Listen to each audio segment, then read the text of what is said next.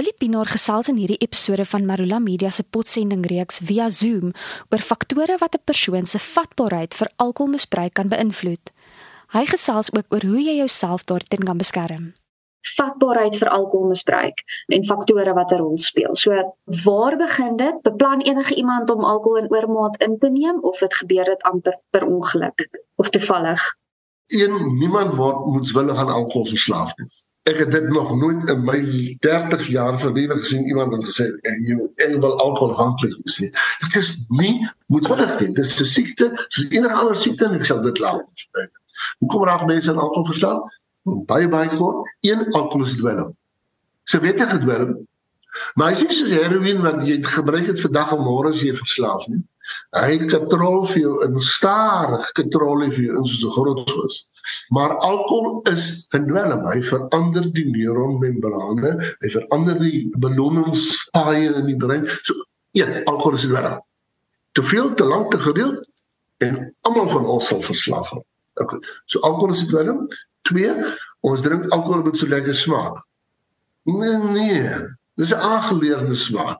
Ons drink vir alkohol met so lekker maak van die angs weg, van die kwaad weg, van die hartseer weg, van die frustrasie weg. Hy vat selfs die moegheid weg. Hy maak my net lekker los. Eintlik ons het 'n aangeleerde smaak ja, maar ons drink eintlik vir die effek van hierdie wonderlike gemoedstabiliteit.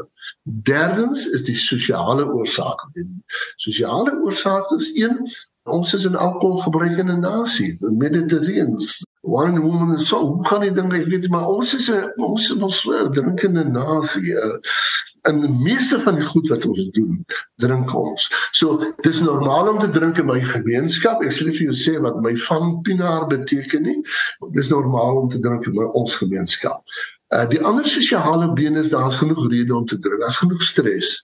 As oorkoepelende globale stres, wêreldstres, groter stres niks kan doen en dan is daar persoonlike stres. Jy Christa dra iets wat dalk eh, vir jou stres was. Ek het ietsie persoonlike stres. En nou begin dit ons dan nou sin maak, jy weet. Daar baie baie stres is alright om te drink. Hey, hy werk so goed, maar die ding is ek wel om en hy hy getroof jou in en hy maak verslaaf. Die vierde rede hoekom mense aan alkohol verslaaf raak is die genetiese redes. Daar is mense wat geneties kwesbaar is. Want dit is mos nou duidelik in die statistiek dat alkohol afhanklikheid loop in families. En en en en dit is nie een geen nie. Dit is multigeneties. Daar's verskillende faktore in jou gene wat maak dat jy kwesbaar is. So ek ek sê altyd vir die mense, maar jy kan nie sê jy sien dit loop in my familie, jy mens skuld. Ek sê ek is nie 'n slagoffer van my gene nie. As ek 'n familiegeskiedenis het van alkoholafhanklikheid en ek kom agter ek kan meer drink as ander mense, dan moet ek meer versigtig wees. Verantwoordelikheid, jy is wat jy die wêreld wys jy is. Daar is 'n familiele kwesbaarheid, maar jy hoef nie 'n slagoffer te wees van uh jou genetiese geneigtheid daartoe nie. Uh, dan moet jy net meer versigtig wees. En dit is die erns van almal in daai bono van redes hoekom mense aan alkohol verslaaf raak. Jy het nou vinnig genoem dat stres een van die faktore is wat 'n rol speel. Watter rol speel ander faktore soos trauma of emosionele welstand in die ontstaan van alkoholverwante probleme? Streshantering, trauma. 'n Mens kan nie alkohol het nog nooit in die lewe iemand se probleme weggevat nie. Hy verdoof dit ja, jy vergeet vir 'n paar ure daarvan, maar dit het nog nooit enige persoonlike probleme voor weggeneem of opgelos of beter gemaak nie. Dis net 'n tydelike ontvlugting.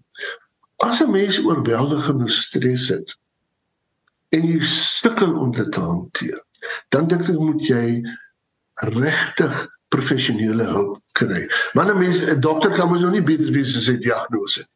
Ons moet 'n diagnose, ons moet weet wat het jy jy sosiale aansteurings, het jy paniekstoornis, het jy posttraumatiese stresstoornis, het jy dit jy en en wat is jou stres? Hoe hanteer jy wat is jou kognisies? Hoe dink jy daaroor? So dan moet jy mens professionele hulp kry. Dis dan jy weet die lewe is taaf. Die lewe is is kompleks. Dit is maklik om te vlug met alkohol, maar dis die verkeerde pad wat jy opsaal het. Uh, te veel te lank te gereeld, jy gaan baie baie moeilikheid kom. Is daar miskien maniere om vooraf te weet of jy geneig is tot verslawing en hoe kan jy jouself beskerm? Hy het vir 'n bietjie verwys na die genetiese faktore en so. Is daar miskien nog 'n uh, familiegeskiedenis? En as daar 'n patroon ontstaan, as daar enigsins 'n patroon ontstaan en daar's gereelde intoksikasie. Kom weer terug na daai cage vraag boegie. Dan moet jy weet brand die gevaarligte. As jy begin verskoning maak, as jy in die werk het begin bly, as jy soggens babbelas is, as jy regmaak moet neem, uh, as jy jou vrou weer vir jou sê, wil jy jy was gister aan bietjie ontoepaslik en on, jy weet as jy herhaaldelik deur jou geliefde jou geliefde sien dit alhoewel jy dit nie sien. Jy sien Christa as ek vir jou sê jy het kanker of jy het suiker siekte dan sê jy vir my wat, wat nou? Wat wat nou? Wat, wat moet ek maak? Ek, ek wil nie dit hê nie. Ek, ek, ek, ek wil gesond word. Maar as jy alkoholafhanklikheid het dan sê jy begin rasionaliseer en neem alkohol laat my lekker ontspan. Jy begin projekteer maar jy wie hoe gaan dit by my werk? Wie wat se stres is? My werk. Of jy sal minimaliseer ag jy sit aan dit is nie so erg nie. Of jy sal uh, intellektualiseer hier op hier op die beenblase jy weet ek is al 'n beenboer ken van die been jy weet jy sal intellektualiseer of jy sal net ontken jy weet denial is not only a river in Egypt Met ander woorde, as jy suiker siekte het, sê jy vir my sê, wat moet ek doen om gesond te word? As jy alkoholafhanklikheid het, dan sê jy alles probeer om die ding aan die gang te hou. Dit is die probleem. Want daar is 'n pad na gesondheid. Daar is 'n pad na gesondheid. Mens kan gemotiveer word. Die krag lê binne in jou. Ek dink altyd aan daai ou simpel resitasietjie. Ek weet nie of dit 'n resitasie of 'n liedjie of wat dit ook al was nie. Van die treintjie wat in die brug van die teen die bult uitsukkel, teen die berg uitsukkel. Tjukke pak tjukke pak. Ek dink ek kan tjukke pak, ek dink ek kan en as jy so bo die bult kom, bo die berg kom dan sê ek kan, ek kan, ek kan. Dis die soort van energie wat ek graag in mense wil plaas. Ek dink jy kan want jy is besig om oor die afgrond te val.